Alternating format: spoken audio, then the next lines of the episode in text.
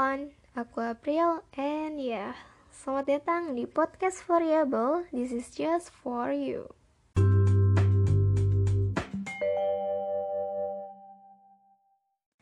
Gimana nih Yud? Sudahkah kalian tahu apa itu kuda Troya? Atau mungkin masih sangat asing? Kuda Troya ini bukan kuda-kudaan ya sobat. Kuda Troya di sini akan sangat kental bahasannya dengan sebuah strategi atau tipu daya politik. Eits, tapi kita nggak akan bahas langsung tentang politik kok. Kita akan menelisik sejarah menarik tentang kuda Troya. Jadi sebetulnya, strategi kuda Troya adalah bentuk tipu daya klasik dalam mitologi Yunani tentang perebutan kota Troya di mana saat itu rakyat Yunani membangun sebuah patung kuda raksasa yang amat besar yang bisa menampung bala tentara Yunani di dalamnya.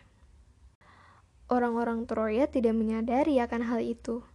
Mereka mengira kuda raksasa itu masuk ke kota dengan maksud supaya kota Troya bisa terhindar dari amarah Athena. Saat orang-orang sedang lengah, saat itulah bala tentara Yunani pun keluar sehingga mereka dapat melumpuhkan orang-orang Troya dan berhasil memenangkan perang. Dari situlah kuda Troya menjelaskan betapa pertempuran bukanlah selalu pertarungan frontal berhadapan, bukan juga selalu soal adu senjata, tapi juga pertarungan taktik dan manuver. Sehingga pihak lawan merasa tidak berhadapan dengan lawan. Wow, ini membuktikan bahwa memang benar, suatu serangan gelap dari dalam akan jauh lebih mematikan daripada suatu pertarungan yang jujur. Karena itu, saya menjadi semakin meyakini nih bahwa politik adalah soal strategi atau seni untuk mengatakan yang bukan sesungguhnya.